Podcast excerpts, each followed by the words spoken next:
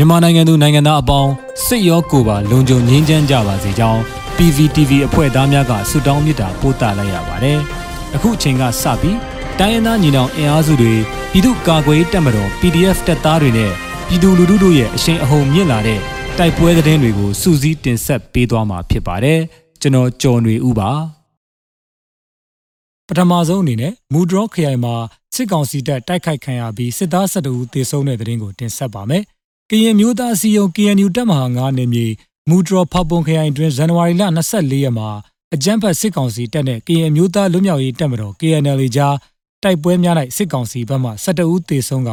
အနည်းဆုံး2ဦးဒဏ်ရာရကြောင်းမူဒရော့သတင်းစင်ကထုတ်ပြန်ပါတယ်။ဇန်နဝါရီလ24ရက်နေ့နက်အစောပိုင်းမှာ KNL တပ်ဖွဲ့ဝင်များ၏မိုင်းဖြင့်တိုက်ခိုက်ခြင်းခံရပြီးစစ်ကောင်စီတပ်သား၄ဦးသေဆုံးတအူးဒဏ်ရာရကြောင်းနနက်6:42မိနစ်မှာ ဖပွန်မြို့ရွန်းစလင်းအနောက်ဘက်ကမ်းရှိစစ်ကောင်စီတပ်ဖွဲ့ကို KNL ကဝင်တိုက်ရာ2ဦးသေဆုံးကြောင်းသိရှိရပါတယ်။မူဒရော့တာကောလူဒေတာမှာစစ်ကောင်စီတပ်ဖွဲ့ကို KNL တပ်ဖွဲ့များကဇန်နဝါရီလ24ရက်တွင်3ကြိမ်ဝင်ရောက်တိုက်ခိုက်ခဲ့ပြီးစစ်ကောင်စီဘက်မှ9ဦးသေဆုံးပြီးရိတ်ခါတင်လားတကောင်သေဆုံးကြောင်းမူဒရော့သတင်းစင်ကထုတ်ပြန်ပါတယ်။ KNU တပ်မဟာ9နယ်မြေတွင်းသို့အကြမ်းဖက်စစ်ကောင်စီကတပ်အင်အားများတိုးချဲ့နေပြီး KNL နှင့်နေ့စဉ်တိုက်ပွဲများဖြစ်ပွားနေပါတယ်။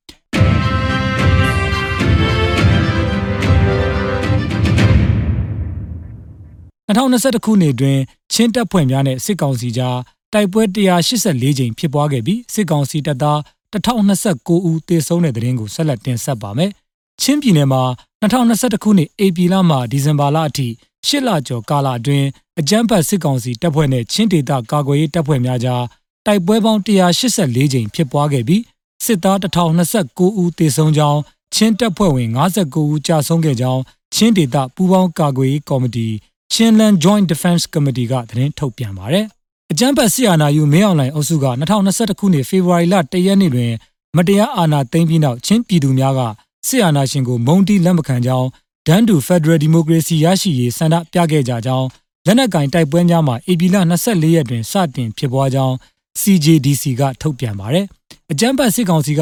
အပြစ်မဲ့ပြည်သူများကိုလူမဆန်စွာဖမ်းဆီးခြင်းနှိပ်စက်ညှဉ်းပန်းခြင်းတပ်ဖြတ်ခြင်းများကိုလှုံ့ဆော်ခဲ့ပြီး ထိုကာလအတွင်းပြည်သူ28ဦးသေဆုံးခဲ့ကြောင်းသိရှိရပါတယ်။ CJDC ဟာချင်းမျိုးသားတပ်ဦးအပါအဝင်ချင်းဒေသအသီးသီးရှိဒေသကာကွယ်ရေးတပ်ဖွဲ့ပေါင်း20ခန့်မှစက်တင်ဘာလ30ရက်နေ့တွင်ပူးပေါင်းဖွဲ့စည်းခဲ့သောကော်မတီဖြစ်ပါတယ်။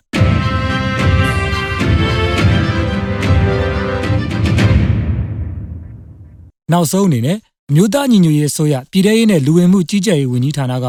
2022ခုနှစ်ဇန်နဝါရီလ26ရက်ရက်စွဲနဲ့ထုတ်ပြန်တဲ့ ပြည်သူ့ခုခံတော်လှန်စစ်တရင်အချက်လက်တွေကိုတင်ဆက်ပေးသွားမှာပါ။အာဏာသိမ်းအကြမ်းဖက်စစ်အုပ်စုရဲ့ပြည်သူလူထုအပေါ်အကြမ်းဖက်ဖိနှိပ်ဖန်ဆီးတိုက်ခိုက်တပ်ဖြတ်နေမှုများကိုပြည်သူလူထုတရက်လုံးကအသက်ရှင်သန်ရေးအတွက်မိမိကိုယ်ကိုမိမိခုခံကာကွယ်ပိုင်ခွင့်အရာပြည်သူ့ခုခံစစ် People's Defensive War ကိုဆင်နွှဲလျက်ရှိပါတယ်။တရင်ချက်လက်များအရ25ရက်တလ2022ရက်နေ့မှာစစ်ကောင်စီတပ်ဖွဲ့ဝင်63ဦးသေဆုံးပြီးထိခိုက်ဒဏ်ရာရရှိသူ28ဦးအထိခုခံတိုက်ခိုက်နိုင်ခဲ့ပါတယ်။ စစ်အာဏာရှင်စနစ်မြမအမျိုးပေါ်မှအပြည့်တိုင်ချုပ်ငင်းရေးနဲ့ Federal Democracy တည်ဆောက်ရေးအတွက်ငြိမ်းချမ်းစွာဆန္ဒပြတဲ့လူထုတပိတ်တိုက်ပွဲများကပြည်내နဲ့တိုင်းဒေသကြီးများမှာဆက်လက်ဖြစ်ပွားပေါ်ပေါက်လျက်ရှိပါတယ်။မြေပြင်မှာတော့ယခုတွေ့ရတဲ့သတင်းအချက်အလက်များထက်ပို၍ဖြစ်ပွားနိုင်ပါတယ်ခင်ဗျာ။